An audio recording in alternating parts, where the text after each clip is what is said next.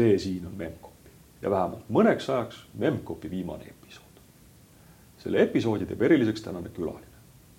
kõigepealt seepärast, et tema mikrofoni ette saamine võttis hirmus kaua aega. eks sellepärast, et meie külalisel oli olulisemaid ja targemaid asju teha, kui, kui minuga juttu rääkida. eks te pärast kuulete ise, miks see võis nii olla. kuid teiseks, teiseks on harva, kui õnnestub vestelda inimesega, kellel on niivõrd lai silmaring ja, ja niivõrd selline äh, kiire mõttelend. see oli äärmiselt huvitav vestlus ja, ja äärmiselt nauditav minule kui intervjueerijale. ja noh, kolmandaks ei saa ka saata, et intervjueeritavaga õnnestus juhuslikult kohtuda ka meie täpselt intervjuu järgsel päeval äh, Rõuge rattamaratoni rajal, kus ta mind loomulikult kaugele selja taha jättis daamid ja härrad, president Kersti Kaljulaid. tere. tere.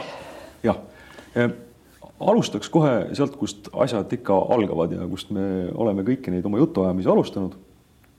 ehk siis sellega, et kuidas jõudsite teie arvutite juurde, kuidas arvutid jõudsid teie juurde? No see tegelikult juhtus üsna ammu, see juhtus Nõukogude Liidus ja see juhtus õpilaste teaduslikus ühingus, et. Äh, ma arvan, et päris paljud nendest inimestest, kes hiljem on, äh, on töötanud Eesti noh e, e-riigi või ka, või ka meie startup kogukonnas, on sellised minuvanused, et nad teavad, mida tähendavad, äh, tähendavad sõnad nagu küber mm. -hmm küberi arvutuskeskus, Tartu Ülikoolil oli samuti olemas arvutuskeskus, et, et nii, nii põhjas kui lõunas mingil põhjusel otsustasid täiskasvanud, et nad lasevad lapsi sinna mängima.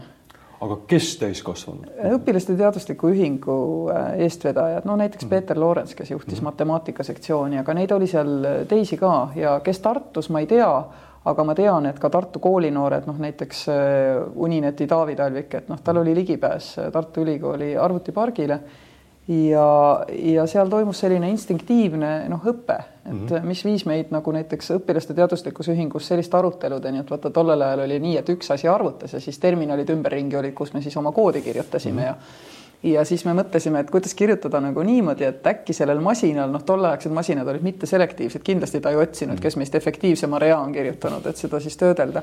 aga meile nagu tundus, et äkki oleks võimalik üksteisega niimoodi võistelda kunagi, et noh, kes kirjutab nagu sellise asja, mis siis sellele keskserverile nagu mõnusam analüüsida. ma mäletan sellelaadilisi debatte ükskord isegi vist õpilaste teadusliku ühingu suvelaagri öine matemaatikadebatt, et mina ei kuulunud, rõhutan, matemaatikasektsiooni aga, aga vahest mind kuidagi võeti kampa, ega, ega ma täpselt ei tea, miks ma olin õpilaste teadusliku ühingu teaduslik peasekretär üheteistkümnendas klassis. aga, aga ma ise olen tegelikult ornitoloogia sektsioonist.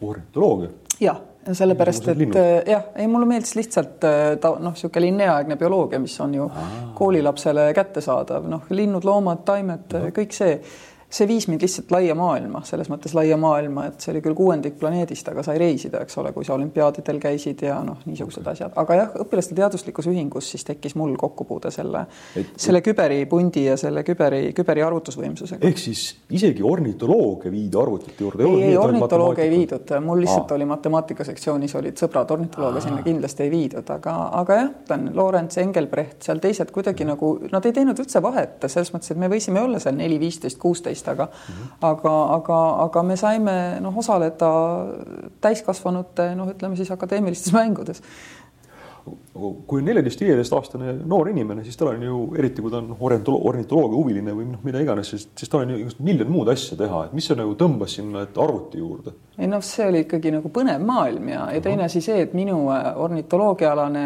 ainukene ütleme, publitseeritud teadustöö tegeles vainuresta pesitsuskommetega, aga see ei käinud nii, et ma käisin metsas ja vaatasin, kus vainurestas elab, selle olid teised inimesed ära teinud.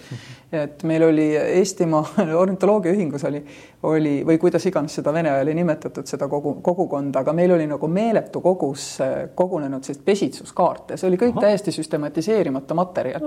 ja minu äh, akadeemiline tegevus õpilaste teaduslikus ühingus seisneski selles, et ma statistiliste meetoditega otsisin noh, erinevaid korrelatsioone nagu, nagu nende noh, ütleme, sealt tuli välja selliseid asju äh, nagu, et linnas vainurestas pesitseb kõrgemal kui näiteks siis, kui ta on sellises looduslikus biotoopis, noh, hea lihtne näide, mitte, mitte ornitoloogile, eks ole. Okay.. et seal oli see, minu töö oli statistiline tegelikult ja ma arvan, sealtkaudu siis nagu ma kuidagi, no ma arvutasin, jah, ma ei, ma ei, vainurestast polnud vaja selle töö jaoks isegi mitte metsas ära tunda, mitte et ma ei tunneks, aga vaja ei olnud, eks ju. väga huvitav mis te tegite nende arvutitega, toimus niisugune akadeemiline mängimine, aga noh, mis tüüpi ülesandeid te lahendasite?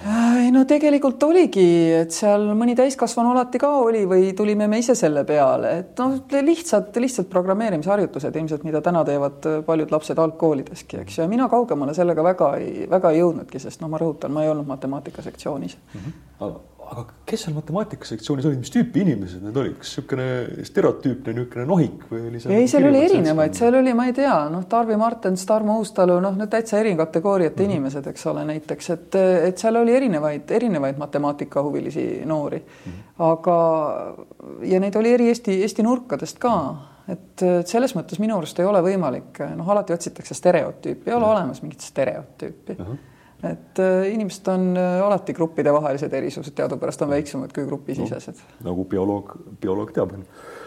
aga mm, kas see teaduslik ühing töötas ka nagu ähm, selles mõttes, et ta nagu, tal oli mingisugune funktsioon ka võrgustiku loomisega, et noh, inimesed said tundma üksteist. kindlasti, kindlasti selles mõttes ikkagi, et seal oli noh, erinevad sektsioonid, seal oli ajaloost mm., Nõutabli oli ka NSV Liidu ajaloosektsioon, mis pandi ükskord kinni, mille üle siis mõned punasemad noored olid vähe nördinud, aga siis see kuni matemaatika ja loodusteaduste ja geograafiani ja noh, ja paljud inimesed, kes olid mujal sektsioonides, noh, võta Teet Jaagomägi, eks ju mm., tänaseks selgelt IT-ettevõtja, Teet oli geograafia sektsioonis, eks ju et ja juhtis seda noh, näituseks, nii et, et päris palju nagu selliseid noh, seda, seda umbes viiekümne aastast pluss-miinus kolm-neli aastat praegu kogukonda on, on sealt läbi käinud ühel või teisel viisil.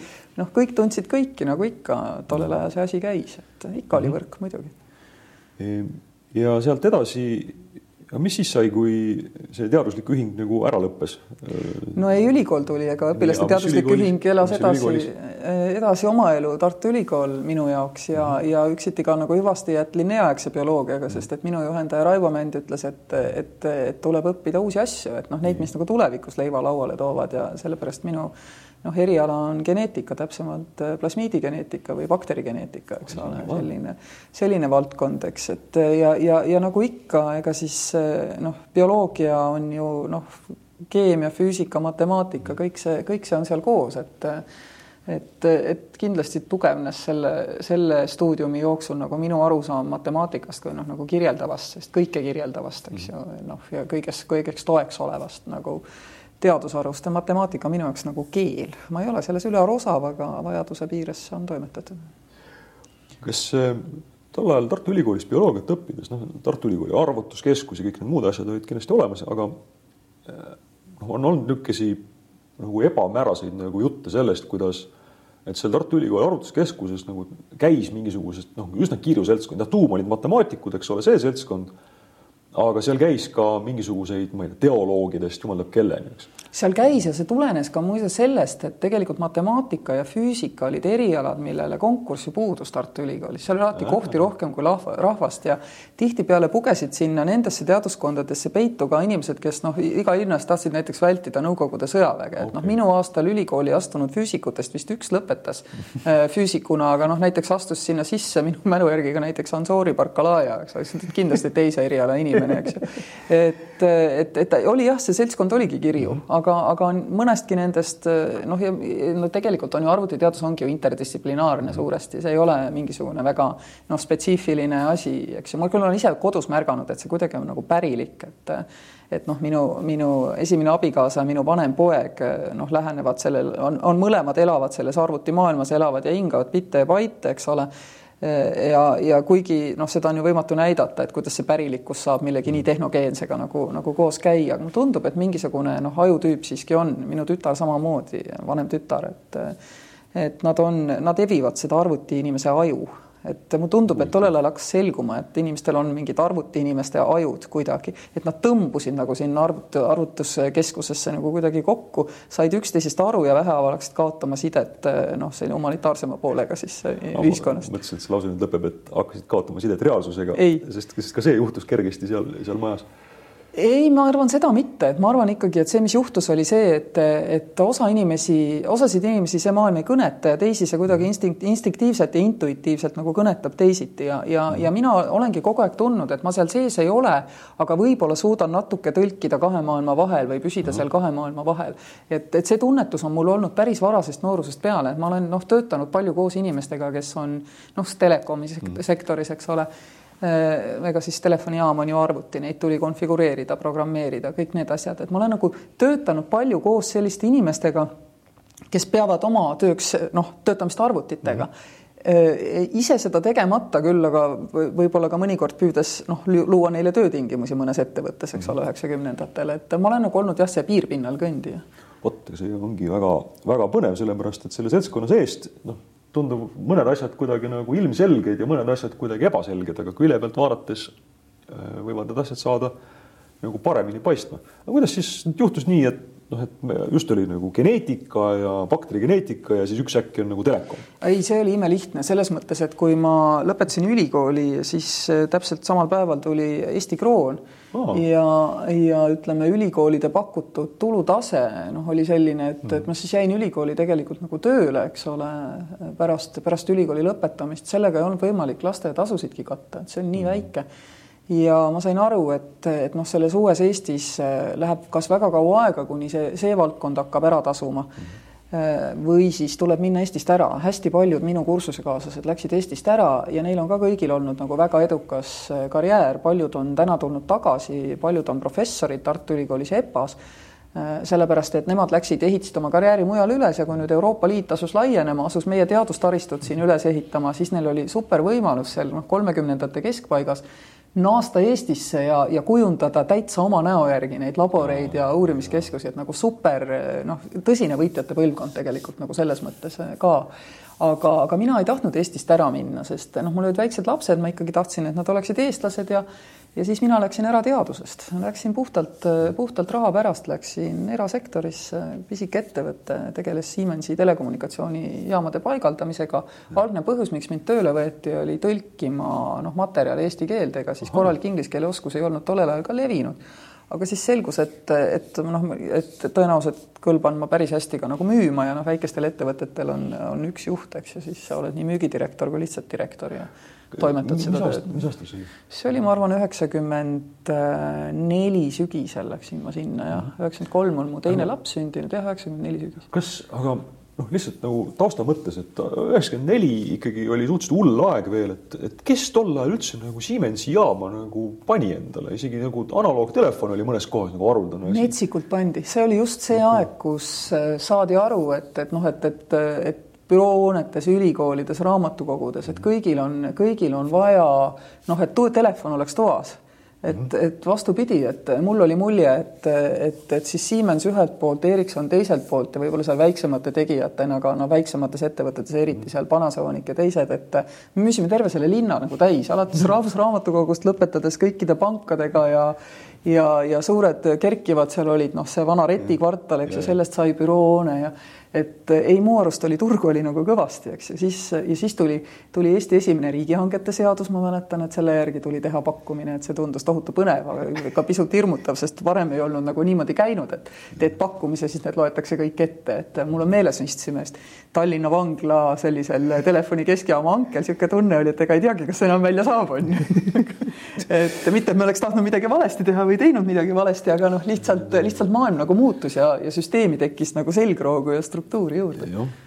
Ehm, aga eh, kuidas tol ajal, sest pärast eh, ka Eesti Telekomi ju jõudsite et äh, ma mäletan, mina omast tollest ajast mäletan, et Eesti Telekom oli mingisugune õudne sihuke. polnudki siis Eesti Telekom, see oli Eesti Telefon. Ja telefon, mina jah. töötasin sellises peenes kohas nagu Eesti Telefoni ärikliendi talitus ah.. ja tulin täitsa erasektorist, eks ole, läksin sinna noh, lihtsalt sellepärast, et, et seal oli, tundus, et on rohkem nagu karjäärivõimalusi ka mm. väikses ettevõttes, ma olin tipus, noh, tundsin, et tahaks võib-olla edasi liikuda, suuremat struktuuri vaadata.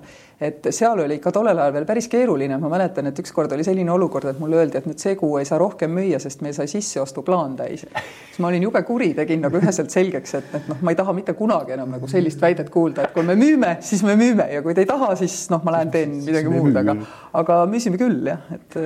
kuidas oli üldse, et, et Eesti Telefon oli tol ajal niisugustele minusugustele nohikutele niisugune üsna nagu õudne ettevõte et küll ta ei suutnud traati pakkuda, ta ei müünud isegi internetti mingisugusel hetkel ja ma mäletan, et, et isegi nagu oli väide, et telefoniliini peal ei peagi internet töötama, sest see on helistamiseks ja ei noh, siis oligi selles mõttes, et, et see ärikliendi talitus, ma arvan, noh, ma ei, ma ei tea et tema loojate kaalutlusi, aga ma arvan, et see asja mõte oligi tuua nagu seda struktuuri, et seal oleks sees üks üksus, mis siis hakkaks seestpoolt õõnestama, sellepärast et et noh, see rahvas pidi nagu müüma täitsa tavalistele eraettevõtetele, müüs neid samu telefonijaamu, mida noh, Siemens eraldi, Ericsson eraldi, müüsime ka Siemensit ja Ericssoni näiteks, eks ole. et, et see, see pidigi seda organisatsiooni kultuuri nagu vähehaaval muutma hakkama ja ma täpselt ei mäleta, kuidas Valdo Kalm selle selle, selle talitusega seotud oli, et aga igal juhul kuidagi ta oli ja, ja, ja noh, ütleme, et noh, temast hiljem, eks ju, me teame, et, et ta selle ettevõtte muutumisele on kindlasti nagu aitas hästi palju kaasa. Okay.. aga algus oli minu jaoks ja, ja oligi, see oligi keeruline, mõni inimene küsis, et miks sind kunagi oma laua taga ei ole, minu arust müügijuht ei peagi olema oma laua taga. et ta oligi väga teistmoodi, et see, mhm. see kultuurimuutus seal kuskil tekkiski jah. Mm. -hmm vot too on üldse niisugune kultuuri mõttes huvitav aeg, et kuidasmoodi, kui me räägime noh, sidest, rääkima noh, sellest telefon telefoniks, eks ole, aga juba hakkas tekkima ka side, eks ole. et seal kuidagi äri, akadeemiline maailm ja niisugune häkkerite nohikute maailm kuidagi nagu, nagu kuidagi kombineerusid. kas see paistis nagu telekomi poole või telefoni poole pealt ka välja? ei no muidugi paistis, sest need inimesed olid ju noh, needsamad, eks ole, ja noh, ütleme, kes siin nagu olid, ma ei tea, noh, ütleme Taavi Talvik, minu esimene abikaasa, tuli ta sealt Tartu poole pealt, eks ju, ülikooli arvutuskeskusest läbi valitsusside, siis ta, siis nad tegid oma ettevõtte seal Andres Baumaniga Unineti, eks ole. Uninetist sai hiljem ju noh, müüdi ära, sai, sai Elisa, eks ole, et, et, et selles mõttes nad, see oligi üks, me ei näinudki seda nagu okay, eraldi, ei näinudki nagu eraldi, sellepärast et mis vahet on lõppude lõpuks, kas sa, kas sa helistad või, või sa, või sa saadad muid andmeühikuid. et noh, digitaalne tehnoloogia nagu tollel ajal just tuli, eks ole. Mm. -hmm et tekkisid need probleemid, et kuidas tagada läbilaskus, ühenduste mm. laiused, eks ole, kõik see maailm nagu hakkas vaikselt arenema ja kasvama. et, mm. et ta ei olnudki eraldi, minu arust ta pole Eestis kunagi eraldi olnud tollel hetkel, no kandja pool nagu ei ole, ei olnud, ei olnud kindlasti eraldi ja sisu poolest me tollel ajal või noh, sisu poole ettevõtteid ju ei olnud ju veel tollel ajal. sisu ei olnud, sisu alles, sisu alles joonistati. no mingi sisu oli, et esimene internetipank ju üheksakümmend neli vist, eks ju tonni vist, üheksakümmend seitse oli juba ju Maksuamet, e-maksuamet, eks ole. üheksakümmend üheksa juba oli Maksuamet ikka päris, päris ja. asi, eks ole. No, sisuteenused hakkasid ka ikka üsna kiiresti nagu tulema, aga siis hakkas mm -hmm. kohe see võistlus alati, et et toru on, sisu tahab laiemat, toru laiemaks, sisu tahab veel laiemat, et noh, sealt hakkas see tulema, eks ole mm. -hmm. Ehm, aga jah, ma olin selgelt toru poole peal, ma ei olnud kunagi sisu poole peal. vot, et nüüd korra nüüd vahetaks käiku, et äh, rääkisime, et noh, stereotüüpe ei ole, aga ometigi on Eesti Vabariigis olnud niisugune mõiste nagu patsiga poiss mm -hmm.. noh, on no, niisugune no, käibetermin, see on lausa eks, kas Hans H. Luik on selle lausa nagu käibele toonud või mm, -hmm. või midagi mm -hmm. sellist mm. -hmm. mis inimene see on? kus, kus saab üldse nagu öelda või et noh, et mis teda nagu iseloomustab? No neid on väga erinevaid, et noh, mul tuleb Eesti Telekomi aegadest, ma ei mäleta peaaegu kedagi peale Valdo Kalmu, kes seal minuga veel koos töötasid, palun vabandust kolleegide ees, aga ma mäletan, et näiteks Uku Kuut oli, istus meil, tema oli meil nii süssadmin, eks okay. ole, patsiga poiss on ju, kui sa sinna tema tuppa läksid, midagi oli nagu paigast ära, siis muusika alati nagu -hmm. käis ja noh, tundus küll nagu teine maailm nagu võrreldes -hmm. paljude teistega, aga, aga kindlasti oli seal ka pöötud habemega rahvast, et ega see nüüd, see nüüd nii, nii ka ei olnud, et noh, need olid ka üsna erinevad seltskonnad, et noh, näiteks kui sa noh, müüd telefonijaamas, tegeled noh, pangas, eks ole, oli selgelt näha, et noh, pankade tehnikajuhid mm, -hmm. et noh, nemad vastutasid ikkagi juba tollel hetkel noh, nagu see ütleme, suhteliselt suure sellise struktuuri püstihoidmise ja edasiarendamise eest ja olid hästi makstud ja erinenud millegi poolest nagu pankade noh, ma ei tea, raamatupidajatest, eks ju, et noh, ikkagi neid ei kutsutud siis veel CTO-deks, eks ole, aga noh, seda nad sisuliselt olid ja nad olid täiesti millegi poolest erinenud muude valdkondade eest vastutajatest. Ja siis olid need need, kes olid kuidagipidi, noh, ega seda ju ülikoolides ei õpetatud ka, noh, ilmselgelt, kes olid lihtsalt ise arvuteid pidi ringi nuhkinud ja saavutanud oskuse siis noh, hoida need asjad, asjad töös, eks ole. et sellised iseõppijad vennad et, et noh, nende hulgas võib-olla siis oli jah, seda stereotüüpi, et suhtleb parema meelega masinaga, aga no masin ei olnud tollel ajal nii huvitav suhtluspartner, et ma arvan, et noh, sellist, sellist võimalust tollel ajal päris ära kaduda, noh, internetti nagu ei olnud, eks ole, et ta ikkagi, ma arvan, see on üle võimendunud, see kombo sellest, mida me täna teame, kuidas sa võid kogu oma ööpäeva ära sisustada seal kastis ja, ja sellest noh, sellest stereotüübist, et mina ei tea, minu arust oli neid ikkagi igasuguseid, et mm. -hmm aga äkki see võib olla siis see, et, et see ühisosa, et enne oli juttu, et äh, mingisugune ajukuju, et mis nad tõmbas, mis need kõik see arvut-, miks nad sinna arvutuskeskusesse Tartu Ülikoolis nagu kogunesid ja võib-olla see, nad otsisid oma sarnaseid? No kindlasti jah, et, et ka kui ma mõtlen ka siin Tallinnas, noh, kes seal küberis koos käisid, et, et nad on hiljem ära ajunud selle, aga nad on kõik sellest sektorist täna ilmselt nagu leitavad, see, leitavad see rahvas, kes seal nagu oli püsivam ja järjegi, noh, järjepidevam kui mina, et mm, -hmm. et kindlasti kindlasti midagi ju on, mis meid tõmbab noh, matemaatika juurde ja midagi, mis tõmbab meid keelte juurde, need on erinevad asjad, et võib-olla Arvi Tavast on praegune äh, Keeleinstituudi direktor on selline noh, mõlema poole kõndija, et noh, ühtpidi on ta olnud nagu selline IT-tegija, teistpidi teda on sügavalt huvitanud keeled ja noh, need kaks asja tänases maailmas saavad nagu kokku, eks, et aga enamus inimesi kipub olema jah, paremal või vasakul, ma ei tea, miks. Sellel teemal veel küsides, et minu käest just küsiti äh, teisipäeval. Ähm, ja ma ei osanud vastata, mul lihtsalt ei olnud vastust. ja ma tean, et teie olete kindlasti mõelnud selle peale palju, et äkki noh, äkki teil on mingisugune vastus. miks ta just patsiga poiss on, sest noh, kui ma vaatan oma inimesi, kellega ma räägin selles ka selles sarjas, siis noh, naisterahvaid on vähe, lihtsalt noh, ongi vähe, tollel ajal noh, oligi neid vähe aga jaa, aga, aga see on sellepärast, et, et naised tegelevad, no ütleme, naised on, on, toimetavad valdavalt sektorites, mis on noh, sisse töötatud Oh, okay. et nad on alalhoidlikumad, paratamatult ka karjääri mõttes on nagu alalhoidlikumad, et, et noh, isegi näiteks, eks ole, mul oli ka mingil hetkel oli nagu valik, et mul oli päris palju ideid, et mida võiks teha. et kas minna, kas minna edasi, tekitada mingi oma, eks ju, butiik mm., hakata seda arendama ma ei teinud seda sellel lihtsal põhjusel, et mul oli vaja üleval pidada kaks alaealist last, eks ole, viia neid iga päev lasteaeda, tuua sealt ära, tollel hetkel üksikema, eks ole, ja ma jätsin seda tegemata teadlikult, sest mul oli tarvis noh, rohkem kindlustunnet ja struktureeritud nagu sellist noh, elu. ma ei saanud endale lubada, et ma võib-olla järgmine viis kuud palka ei saa, eks ole, mul ei olnud seda võimalust lihtsalt teha. Ja ma arvan, et, et kuna see oli tollel hetkel nagu selline uus valdkond, eks ole, siis naised lihtsalt ei võtnud neid, neid riske üles, olles tihtipeale noh, ma mõtlen, üksikemad on kohe väljas nagu mina, eks ole. Ja võib-olla, võib-olla see kuidagi lihtsalt noh, ikkagi see, see seiklusjanu nagu oli, oli võib-olla esialgu nagu väiksem. Ja ega keegi ei näinud ju sellega ka teadlikult vaeva, et noh, tollel ajal ikkagi me räägime sügavast üheksakümnendatest, mm. mis, mis noh, nagu minule, minule näiteks ehe näide, mina müüsin siin Siemens Icom kolmesadat, Soomes oli üks Tiina, tema müüs ka. Ja siis me läksime Siemensi nende suurte telefonikeskjaamade müügimeeste kokkutulekule. Mm.. seal olid ainult mehed peale meie ja kõik käisid ja küsisid küsisid sellise uskumatu küsi-, ilmega, et te tõesti müüte neid suuri telefonijaamu, noh, me ei saanud nagu aru, miks me ei võiks seda teha. aga see ei olnud, see ei olnud mingi naiste maailm ikkagi nagu tollel ajal, eks. et tol hetkel, vot see on nüüd huvitav perspektiiv, et noh, Eestis noh, niisugune avantürism, eks ole, et see on nagu arusaadav, aga et mujal maailmas oli ikkagi nagu päris teistsugune see no maailm, mida praegu no, kui me endale ette kujutame, noh, ma ei tea, Kesk-Euroopa, Saksamaa, Saksamaal ikkagi nagu minu põlvkonnas on veel päris palju koduperenaisi, just Lääne-Saksas, idas ei ole, kui sa praegu vaatad statistiliselt, Ida-Saksa naiste pensionid on kõrgemad, lahutuste arvud on ka palju kõrgemad, sest nad saavad seda endale lihtsalt lubada, läänes ei saa.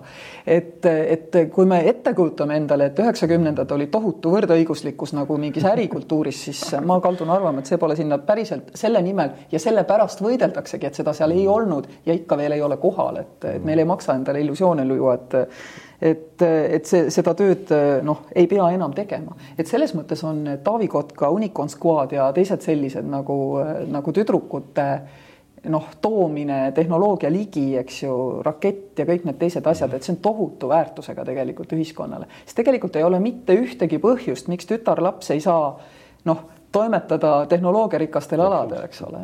aga noh, jah, tütarlapsel võib olla nagu kuidagi nagu vähem loomulik see, et ta lihtsalt magab kontorilaua all, sest tal tuli tol hetkel nagu uni peale. ja vaata ära hakka seda loomulik, vähem loomulik, ei ole niimoodi, et noh, selles mõttes seda, seda võib-olla paljud arvavad kuidagi, eks ju, mina arvan, et see ei ole üldsegi kuidagi, mis mõttes, mis seal vahet on, sul on kahekümne aastane vaba inimene, tal lapsi ega peret ei ole, on ta mees või naine, siis ta seal kontorilaual magab, teksad on nagunii jalas, ega ta soojengu ja seelikuga sinna ei lähe ju mõtle nüüd, see on ju täitsa absurdne väide tegelikult, eks ju. et, et mina arvan, et, et see ongi see stereotüüp, see ei ole pahatahtlik ja see on alateadlik tihtipeale, aga see, see on täiesti olemas nagu ka selles, selles sinu tõsi, väites. tõsi, sest äh, punkareid oli igasuguseid. selles mõttes. jah, ja nagu samamoodi võib see, olla insenere ja, ja kõike muud igasuguseid. lihtsalt konkreetselt tuleb üks habemega punkar silma ette, kes vedeles niimoodi hommikul laua all aga tõepoolest, et see on minu stereotüüp, et noh, see on, see on minu nagu kujutluspilt, et, et, et see on habemega punkar, et miks ta ei võiks olla nagu teistsugune punkar. mul näiteks tütar rääkis mm -hmm. ülikooli ajast ühe loo, et käisid päris, üks ettevõte otsis tööjõudu, päris paljud käisid ennast pakkumas ja mm -hmm. üks poiss võeti ja ta oli nagu nendest ülikoolist nagu näht-, noh, silmnähtavalt teistest laisem ja kehvema õppeedukusega. ja sel poisil tekkis endal küsimus oma tööandjale, et ta mõne aja pärast, kui ta oli kohanenud seal, noh, võeti õlut, eks ole, ja küsis, et kuule, et aga noh, meilt kandideerisid veel need ja need inimesed, miks nemad ei saanud, mille peale talle öeldi, et vaata ümberringi, näed sa siin mõnda naist. Eks, ehk et noh, selline tõrjuv kultuur, eks ole, see ei ole nüüd, ei ole nüüd side ega, ega telekomi ettevõtte näide ega IT-ettevõtte näide, aga lihtsalt insenerikultuuri näide sulle Eestist. Ja, ja need inimesed, kellest ma täna räägin, on praegu kolmkümmend kaks, kolm ei ole viiskümmend. jah, et see ikka noh, mugavam on pargata nagu omasugust on ju, et kas see kasulikum on, et see on iseküsimus. ei ole, sellepärast et statistiliselt tuleb naiste pähe viiskümmend protsenti headest ideedest ja meeste pähe viiskümmend protsenti ja kui sa nüüd kasutad arvan, ära vähem pigem, nagu. pigem on nagu isegi nagu teistpidi no mina ei, ma ei lähe ka kunagi sinna, et ma ei. näiteks üldse ei arva, et, et, et, et noh, et me peame ka ütlema, et naised ongi kuidagi teistmoodi näiteks noh, kas juhid või insenerid või ma ei taha sinna ka kunagi minna, ma väidan, et me oleme jumala võrdsed nagu oma ajupotentsiaali mõttes. potentsiaal kindlasti. aga, aga, aga millega, millega sa ikka puutud kokku, et noh, minu käest on nagu ka küsitud, et kuidas siis nüüd nii, et naine juhib siin elektrijaama no siis ma ikka väga otsekoheselt olengi no, nagu küsinud, et kuule, räägi nüüd, mida sa selle tilliga teed jaama juhtides. on sul mingi idee nagu onju? kõik ütlesid, mis mõttes on, aga kus see vahe veel on? ei ole. ei ole, noh just. just, et nagu mis noh, et ja okei okay., aga eh, kuidas see noh, kuna kõik see meie IT, IT-värk tuleb nagu sellest seltskonnast ja see seltskond oli noh, nendel väga headel põhjustel või ka halbadel põhjustel või noh, mis iganes, aga ta oli nagu niimoodi kallutatud ühele poole mm, -hmm. siis kas see on kuidagi, kas see kuidagi nagu aitas meid, kas see hoidis meid tagasi? kuidas ta nagu mõjutas seda, et kuidas me nagu ühiskonnana nagu edasi läksime pärast selle nagu digi, digiühiskonnaga? kas, kas seal no, võib midagi välja tuua?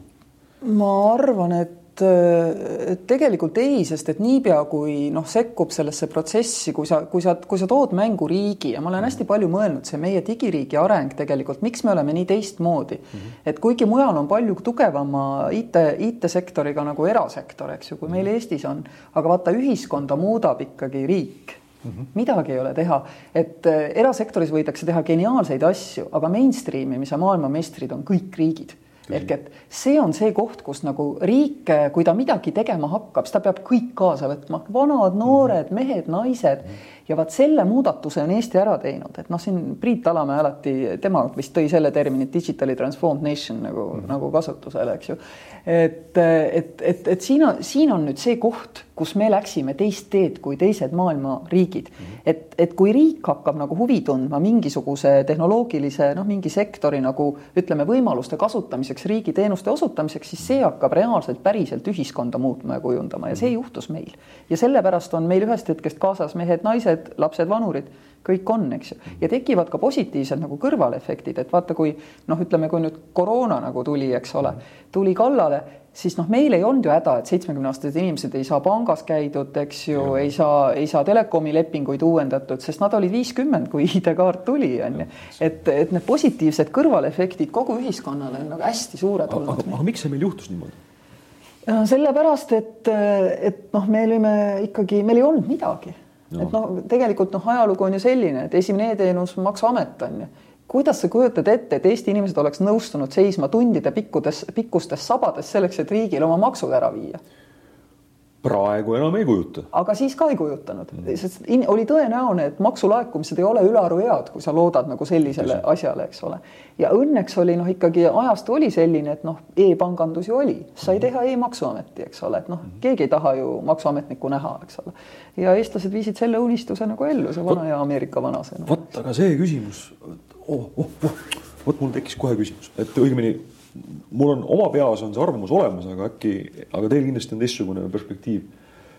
et äh, ma ei ole kuskil näinud nagu sellist usaldust, noh, sihukese keskmise nagu bürokraadi ja sellise nagu hardcore engine, noh, inseneri vahel.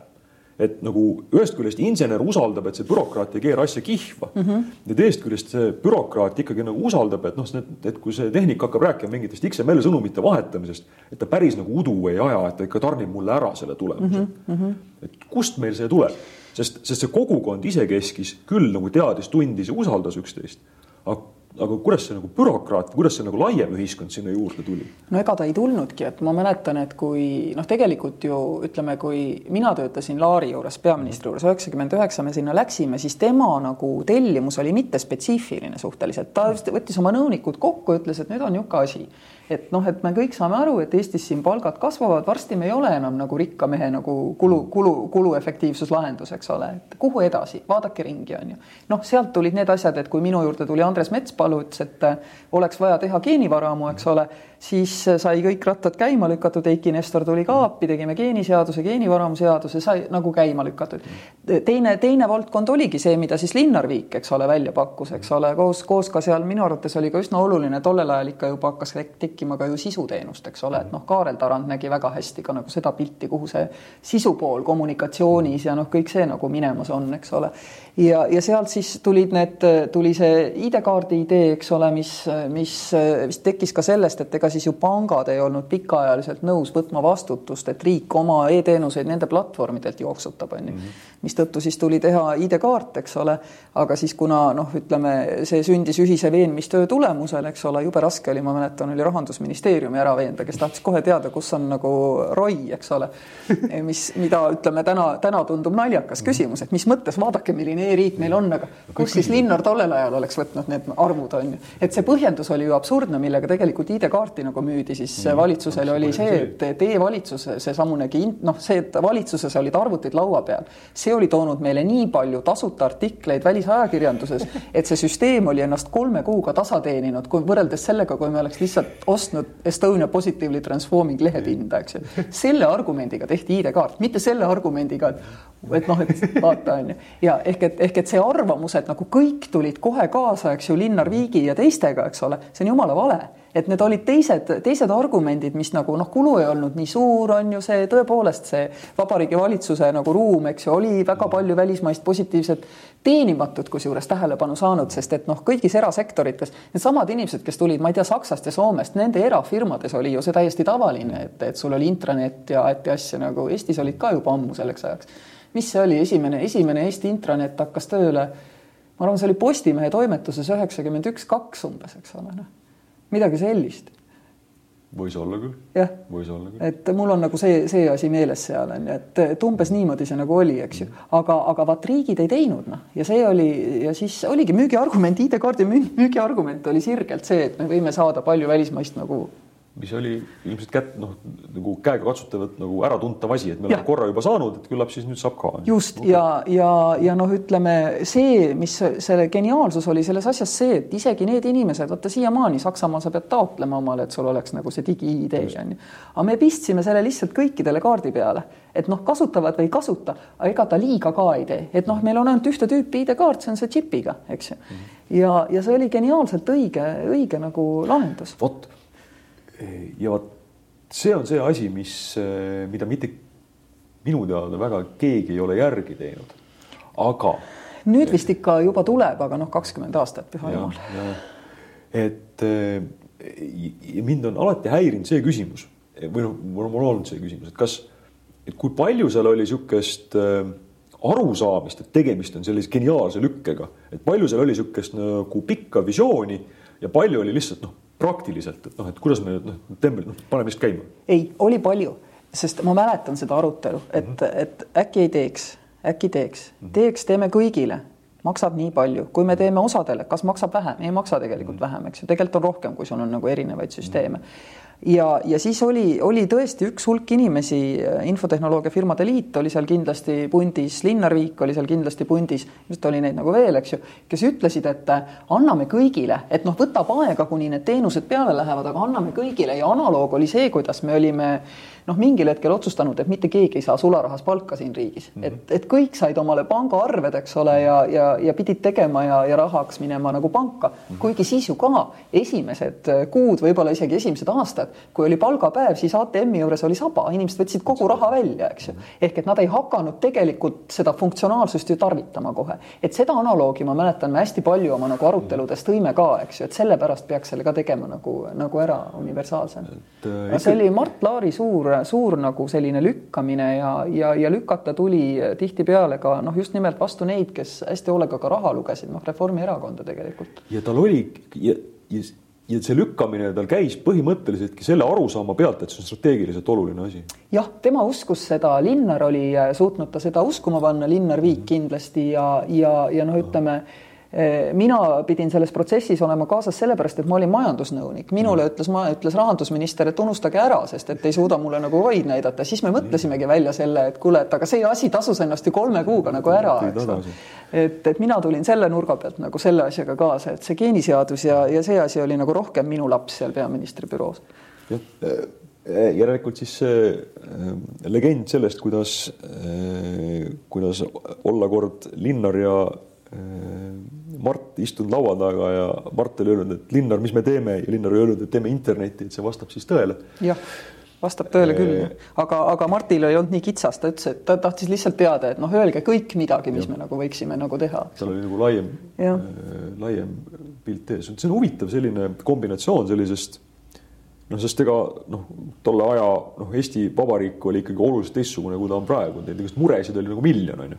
ja ei oligi ja, ja ma jään selle juurde ka, et me ei saa seda au kõike endale võtta, et vaata, me olime juba tollel ajal ju näiteks olime ju üheksakümmend üheksa, meist sai juba osa ja me saime ju Euroopa Liidu teadus-arendusprogrammi liikmeks, eks ju, me saime tegelikult sealt rahasid peale. siis hakkas üldse Euroopa Liit, eks ju, meid ette valmistama liitumiseks, meil tuli institutsionaal, institutsioonide ehitamiseks rahad peale, siis tuli meile igasuguste asjade ehitamiseks rahad peale. ehk et mina väidan, et et digiriiki ehitada, kui keegi teine maksab su koolide, teede ja, ja muude asjade remondi kinni, on oluliselt lihtsam. ehk et me Euroopa Liidu rolli ei tohi alahinnata. raha hakkas siin riigis liikuma palju rohkem ja, ja tänu sellele või oli ka võimalik mingi kõõl, eks ole, sellest siis sinna digi, digiteenuste arengusse no, nagu suunata. Marek, Marek Tiitsi igasugused IBS-id ja asjad olid ju kõik äh, mingisuguste kellegi väliste fondide rahadega ja, ja, ja ja teised nägid selles nagu sellist noh, kui nad nägid, et mis me teeme, eks üsna kiiresti tekkis see laboriefekt, eks ole, et kui noh, aitame, toetame, me saame ise ka nagu näpud vahele, et mis nad seal nagu teevad, eks ju. aga, aga kindlasti ei oleks meist saanud äh, sellist e-riiki, kui meil ei oleks noh, avanenud tegelikult võimalust saada suures koguses nagu välisabi. puhtalt vähehaaval oma toonasest SKT-st me elasime tegelikult ju tollel ajal noh, suhteliselt Maailmapanga ikkagi nagu vaeste riikide kriteeriumite järgi. puhtalt omaenda SKT-st päris ei oleks seda asja teinud teinud, kuigi noh, mööngem, et täna ei saa sa ilmselt ühte korralikku e-maksuametit selle raha eest, mis me kümme esimest aastat oma e-riiki tegime, eks. nii on. Ehm, et kuidas seda siis, kuidas see nagu käis nii-öelda operatiivtasandil, et noh, minu käest näiteks Prantsuse ametnikud on küsinud, et ja noh, arusaadav, et noh, tegite e-riiki e, e-riiki vabandust, kuidas te nagu ametnikule nagu selle ära seletasite? jaa, seda küsis minu käest, äh, mäletan Prantsuse peaminister Eduard Philippe, kes oli otsustanud, Macroni esimene peaminister oli otsustanud, et nüüd tuleb Prantsusmaal ka ja. teha digipööre. no umbes samal ajal. küsis, et, et kuidas nüüd siis selle asjaga on, et mis nendest töökohtadest avalikus sektoris sai, siis ma ütlesin talle, et vaata, Eduard, et nüüd on nii, et meil läks ka Maksuametis kuuskümmend protsenti töökohti kaotsi, aga meil ei olnudki üldse nii korralikku Maksuametit, nagu teil on, on ju. Mm. aga ära sa selle pärast muretse, te ju teete tööturul liberaliseerimise reformid ka ära, eks ju, mida Muidu. nad ongi teinud, eks ole. ehk et muidugi mitte määrani, mida meie peame igal juhul normiks, aga, aga noh, vastab tõele jah, et aga Eestis kadus ka töökohti, aga vaata, see on, see on, see on niimoodi, et noh see on nüüd teisest valdkonnast, aga kui Hoiu ja Hansapank liitusid, siis said Eesti ettevõtted omale finantsjuhid, miks, sellepärast et noh pangandusest sisuliselt nagu pooled spetsialistid, kes suutsid nagu arvutada, eks ole, jäid lihtsalt üle ja ettevõtetel tegelikult oligi vaja neid spetsialiste, eks ju, kasvõi selleks, et nende samade pankadega läbi rääkida, on ju.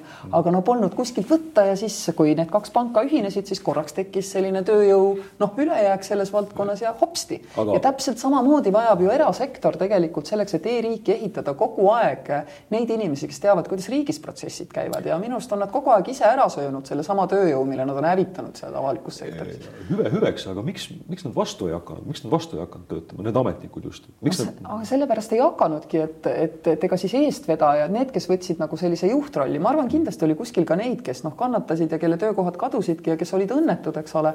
aga eestvedajad ei jää ju kunagi ilma tööta, neil ei ole mingit muret selle asja pärast ja sa õpid mm. ise selles protsessis nii palju ja noh, ma ütlen, väga paljud hüppasid teise paati, läksid koos erasektoriga, eks ole no. osteti üle tegelikult sellepärast, et nüüd pakkuda riigile seda teenust tagasi, et. Sest, sest meil ei olnud tol ajal veel kivistunud see nagu aparaat, aparaat, et seal ei olnud nagu sa ei olnud olnud nagu viisteist aastat nagu olnud, saanud olla ametis, sest vabariiki polnud olnud veel viisteist aastat. ja, ja, ja noh, igal pool noored ju tegelikult noh, hästi palju tegelikult äh, muutusid meie nagu riigi näoks ja ma mäletan, et ükskord üks Leedu erastamisagentuuri juht ütles mulle Laariga olime Leedus visiidil, ütles, et teie, eestlased, et te teete hästi julgeid asju, sellepärast te olete kõik nii noored seal, te ei taju üldse nagu, mis hirmsad riskid selle kõigega kaasnevad.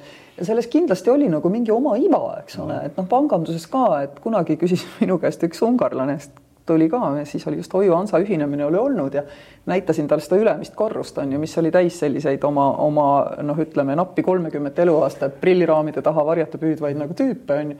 ta küsis mu käest, et ütle Kersti, mis te vanemate inimestega nagu tegite kus te panite? jah, aga noh, selle hind on see, et, et meie põlvkond pidaski üleval oma vanemad, eks ole, ja kasvatas oma lapsed ja noh, ja tõenäoliselt jääb sinna meil mingi keskmise elu ja nagu mingi negatiivne hüpe sisse, ma pakun lõppkokkuvõttes. jah.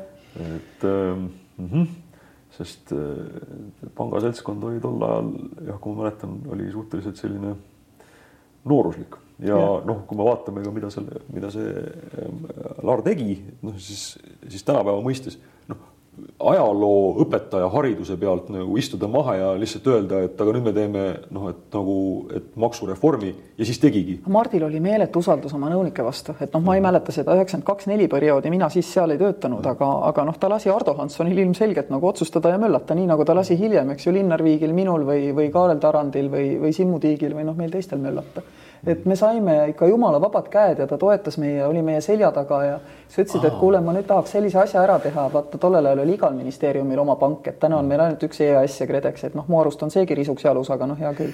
et, et, et selles mõttes tollel ajal oli, ma ei tea, siseministeeriumis oli umbes kaks sellist nagu mingit fondi, mis andsid raha välja ja siis ma ütlesin Mardile, et kuule, vaata, et noh, et see on tegelikult jube ebaefektiivne ja peale selle üleüldse, milleks need pangad välja on mõeldud ja noh, ma arvan, et see raha seal võib-olla ei kulu kõige efektiivsemalt on ju, sest kohe noh, tee ära, koristage ära see asi on ju. siis oligi Aare Järvan ütles mulle, et aga paneme siis kõik kinni, ma ütlesin, tead, et kõik vist ei saa, aga teeks niisuguse triki, et koondaks nagu kokku.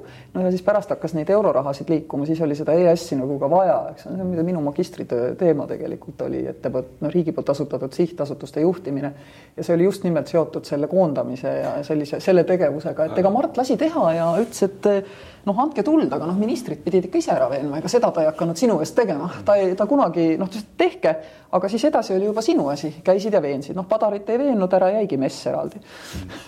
nojah, see on selles mõttes väga huvitav, et, et sama mustrit me oleme näinud ka, et noh, et see on täpselt selline kombinatsioon sellisest nagu strateegilisest vaatest aga siis sa lased nagu suhteliselt sellise nagu mittepoliitilise seltskonna, kes on lihtsalt noh, praktilised inimesed, kes saavad aru, et mida on vaja mhm. teha mm, -hmm. lased lihtsalt nagu toimetama. no vaata, meil oli eile Latitude'il arutelu, mul oli vestluspartner oli prantslane, eks ole ja tema küsis kogu aeg seda küsimust, et mida peab siis riik tegema selleks, et me, mida me Euroopas, et ka meil oleks need toredad digifirmad nagu ameeriklastel ja ma lõpuks nagu ütlesin talle, et kuule, vaata, me oleme siin nüüd pool tundi rääkinud, kuidas täpselt Eesti riik ei sekku sellesse, millised majanduslikud valikud erasektoris tehakse, millised sektorid peavad arenema, me ei ole dirižiste meie hulgas ei leidu, on ju. tulemus kümme unikorni ühe miljoni kohta mm. et noh, ütleb see sulle midagi või ei ütle, eks ju. et umbes selline peabki minu arvates olema nagu see poliitika tegemise roll, et sa nagu võimaldad, et noh, samamoodi meie maksusüsteem ju, et ettevõtete tulumaksuvabastus, mida see tähendab? igas investeeringus, rõhutan igas, mitte valdkondlikult valitud, eks ole, mingisuguses eelisarendatavas valdkonnas, on riik ju kahekümne protsendiga sees selles investeeringus, võtab riski nagu ettevõtja, võib-olla ei hakka sealt kunagi dividende tulema, mida saaks maksustada okei okay., väga. kihvt riik on meil tegelikult. jumal hoidku, ma mõtlen iga kord, kui ma neid jutte räägin, siis ma tulen tagasi, kui ma neid transkribeerin ka, siis ma lähen tagasi sellesse üheksakümnendate aastate aega. ja iga kord tunnen ennast äh, nagu hästi, kui, kui, kui tore riik meil on. Aga oled sa vahest mõelnud, ma olen vahest mõelnud ka sellele, et aga kui me oleksime ennast valima, valinud juhtima inimesed, kellel kogu aeg ikkagi noh, nagu see riigi ja, ja oma rahakott läheksid segamini ja kes kogu aeg, meil muide on ka praegu poliitikas ju selliseid inimesi päris palju, kes kogu aeg jäävad vahele sellega, et nad on oma võimupositsiooni kasutanud enda või oma partei mingisuguseks hüvanguks, on ju. väga vabalt oleks võinud niimoodi minna ja, ja. siis oleks täna omadega Ukrainas. väga, väga paha oleks, et ongi et see ongi selline nagu kombinatsioon sellest, et meil õnnestus valida mingi ime läbi mingisugused mõistlikud inimesed. Nendel mõistlikel inimestel. tegelikult ei õnnestunud. meil oli kogu aeg, tuli ju vaata Lennart, tema kõige kontroversiaalsem tegu põhiseaduse Nii. kontekstis oli see, et ta lasi Laaril moodustada valitsuse, kui Savisaar oli valimised võitnud, aga kuna kolmikliit oli eel, eelmoodustatud, siis siis ta läks sellele teele ja miks ta pidi minema, sest see kolmikliit oli ka nii habrastel alustel, et, et poleks üldse noh, moodustunud, kui Edgar Savisaar oleks saanud võimaluse mõni nendest potentsiaalsetest partneritest nagu ära rääkida, eks ole. et ja, nii habras oli see. Tegelikult oli see täpselt nii habras, et me oleksime võinud minna märksa konservatiivsemat majandusarengut, märksa mm. lõdvemat eelarvepoliitikat ja võib-olla ka märksa noh, sellist oligarhsemat majandusmudelit pidi, mõeldes, mida, eks ju, tollel ajal või ka täna Keskerakond endast kujutab, on ju nii? ja, ja tolles keskkonnas ilmselt siis nii-öelda IT-inimeste kogukond eh, ilmselt ei oleks saanud ka noh, neid oma ideid kuidagi ei, nagu, rea, nagu realiseerida, sest noh, kui me vaatame, kuidasmoodi noh, Tarvi Martens noh, ID-kaardi nagu või see küberseltskond nagu oma mm -hmm. küberturbega, eks ole, kui palju nad on saanud noh, minna riigi juurde, öelda, et kuulge, see on mõistlik asi, et no teeme ja neid on kuulatud, eks ja, ole. ja, ja vaata, see ei oleks pidanud ka päris nii halvasti minema, kui ta läks, eks ole, Ukrainaga, et noh, oligarhid võtsid majanduse päriselt vangi, on ju. aga mm. vaata Sloveeniat näiteks, see oli riik, mis liitus Euroopa Liiduga, Euroopa Liidu keskmise tulutasemega umbes seitsekümmend, eks ju. ja noh, täna ma küll ei näe, et nad kuidagi meist nagu paremad oleksid, eks ju, mm. pigem meie statistika nagu parem. aga nendel läks niimoodi, et kuidagi see majandus nagu läks rohkem nende ettevõtjate juhtide, ettevõtete juhtide kätte, kui ta meil, meil oli üksikud sellised ettevõtted, eks ole. ja nemad kulutasid ära selle tehnoloogia sinnamaani, noh, nad olid harjunud selle tehnoloogiaga, nad ei loonud ka väga palju uusi sidemeid uute turgudega, sest noh, nad olid, jooksutasid seda asja nii, nagu teda ikka oli jooksutatud. Ja majandus restruktureerus palju-palju aeglasemalt, eks ole, sellepärast, nii et noh, meil ikkagi see, see Mart Laari tohutu valus üheksakümmend kaks, neli periood, kus noh, see vana asi istuti katki, eks ole. Mm. See oli kohutavalt valus suurele osale tolle hetke töötajaskonnast loomulikult, eks ju aga see ja kõrvalefekte me ei hallanud ja paljudel inimestel on siiamaani rusikas taskus nagu põhjusega, sest me ei osanud neid kõrvalefekte hallata. me ei, meil ei olnud ka selle jaoks raha ja me kõik uskusime, et noh, et tõusulaine tõstab kõiki paate. jah, aga mõni, mõni läks ka paraku nagu, nagu ümber ja põhja nii oli jah, ja sellepärast muide mina tundsin, et kaks tuhat kuusteist on nüüd on aeg nagu teadvustada endale seda, et tõusulaine kõiki paate ei tõsta, et nõrgematele tuleb padi alla panna, et see on nagu heaoluühiskond, eks ju. nii et kui ma jõudsin kakskümmend aastat hiljem ringiga tagasi riigi tegemiste juurde, olles vahepeal igal pool mujal olnud, eks ju mm, -hmm. siis mul tekkiski võimalus asuda seda viga nagu parandama ja, ja ma loodan, et me oleme nagu õigel teel. kindlasti, aga ma nüüd küsiks tagasi, lähme tagasi sinna päris, päris asjade alguse juurde lõpetuseks. Ehm, et kui ma küsin seda, et ehm, ma küsisin, et noh, mis, mis inimesed need, need IT-inimesed olid, siis ja mind noh, ei nagu ei, ma ei ole ka sellele mul ei ole head vastust. miks on niimoodi, et Eestis on selline noh, IT-inimeste kogukond mis siiamaani nagu toimib koos. aga näiteks noh, lätlastel ei ole kusjuures minu jaoks kannab ka see ja me, see meie IT ja nad ise tänapäeval isegi IT, sest noh, kõik startup'id ei ole ju mitte IT-sektori ettevõtted. et minu jaoks on see, see, et tollel ajal tekkis see kultuur, et võtame vastutuse selle riigi eest nagu enda kätte. et noh, kui ma võrdlen seda ka meie vanamajandusettevõtetega ja selle paradigmaga, et noh, kui ikkagi seal olid peaministri nõunik, siis tulid sinu juurde tähtsad vanamajandusettevõtted, sest me maksame nii palju makse, mis te meie jaoks teete mm.. siis vaat see kogukond on kuidagi alati nagu olnud selline, et aa, riik ei saa seda teha, riik on selle jaoks liiga noh, jäik paindumatu, fine, me teeme ise, teeme Jõhvi koodikooli või mille iganes, eks ju, et see on alles jäänud ja, ja ma olen hästi rahul sellega, et see on alles jäänud aga miks ta niimoodi on, et noh, sellel kindlasti on mingisugune juurikas ka selles, et, et, et lasti üheksakümnendatel hästi palju teha, tekkis selline positiivne tagasiside, et noh, meie Pavlovi refleks on see, et saab küll ja muidugi jookseme ka meie ju kasvõi siin noh, pandeemia ajal ikkagi ja paljud IT-ettevõtjad üldse ütlevad, et, et noh, et alati tahaks tõmbuda looteasendisse, kui sa oled natuke aega ametnikega rääkinud, eks ole. aga seda vastu nina saamist ikkagi ei ole nii palju olnud, et oleks nagu lõput, lõplikult nagu alla antud, et ikkagi inimestel on nagu see usk, et noh, tegelikult me saame need asjad tehtud mm -hmm. ja meil on ka poliitikutel see lootus, et nende ametnikud ei tegele ainult nagu noh, ei ole nagu tennise sein, et tead, pall tuleb, ainult läheb tagasi, eks ole. vaid et kuskilt peab see pall ka läbi minema ja isegi kui läbi läheb üks sajast, on see päris hea tulemus, eks. sest, sest on kogemus olemas, et on ju töötanud, on, on ju, on ju nagu, on ju saanud ja on ju, on ju toiminud just, ja sellepärast on ka meie startup kogukond hästi sotsiaalselt vastutustundlik minu meelest, eks ju. et mm -hmm. ma arvan, et nad tegelikult, kui võtta vahelt ära ja, ja mingis mõttes ongi võetud, meie parlament täna tegelikult ei ole, ei ole mõttekoda, mida ta võiks olla, eks ole. et kui lasta neil niimoodi nagu ilma keskse organiseerimiseta difuusselt seda riiki mm. nagu ajada, väga palju hullem nagu ei saaks esimese hooga, eks ole ja aga siin kohapeal on võib-olla mõistlik lõpetada tõdemusega, et päris hea riik on saanud on, aga ärme ära riku, et, et, et selles mõttes vaata, mida kõrgemal tulutasemel sa oled, eks ju, seda, seda suuremad on sinu riskid midagi teha ja muuta. et me peame nagu kogu aeg suutma endiselt edi, kogu aeg nagu uueneda, eks ole, minna edasi. ja ma tegelikult täna näen küll, et, et noh, me oleme proovinud, ma ei tea, läbi Accelerator Estonia tekitada seda, et me seda lubavat seadusruumi mm. uutele tehnoloogiatele teeks ja looks, aga tegelikult ei tule ja õudselt ebapopulaarne, aga meil on vaja, et meie parlamendi palgad oleksid väga palju paremad selleks, et parlament töötaks sellise nagu mõttekojana, mis viib ka seda tehnoloogilist poolt edasi. ta peab hakkama tõmbama ligi ka sedasama startup kogukonda ennast, akadeemilist kogukonda uuesti, mida ta täna ei kõneta ja ei tee, sest midagi ei ole teha. kahjuks on nii, mida maksad, seda saad. nii on. oeh,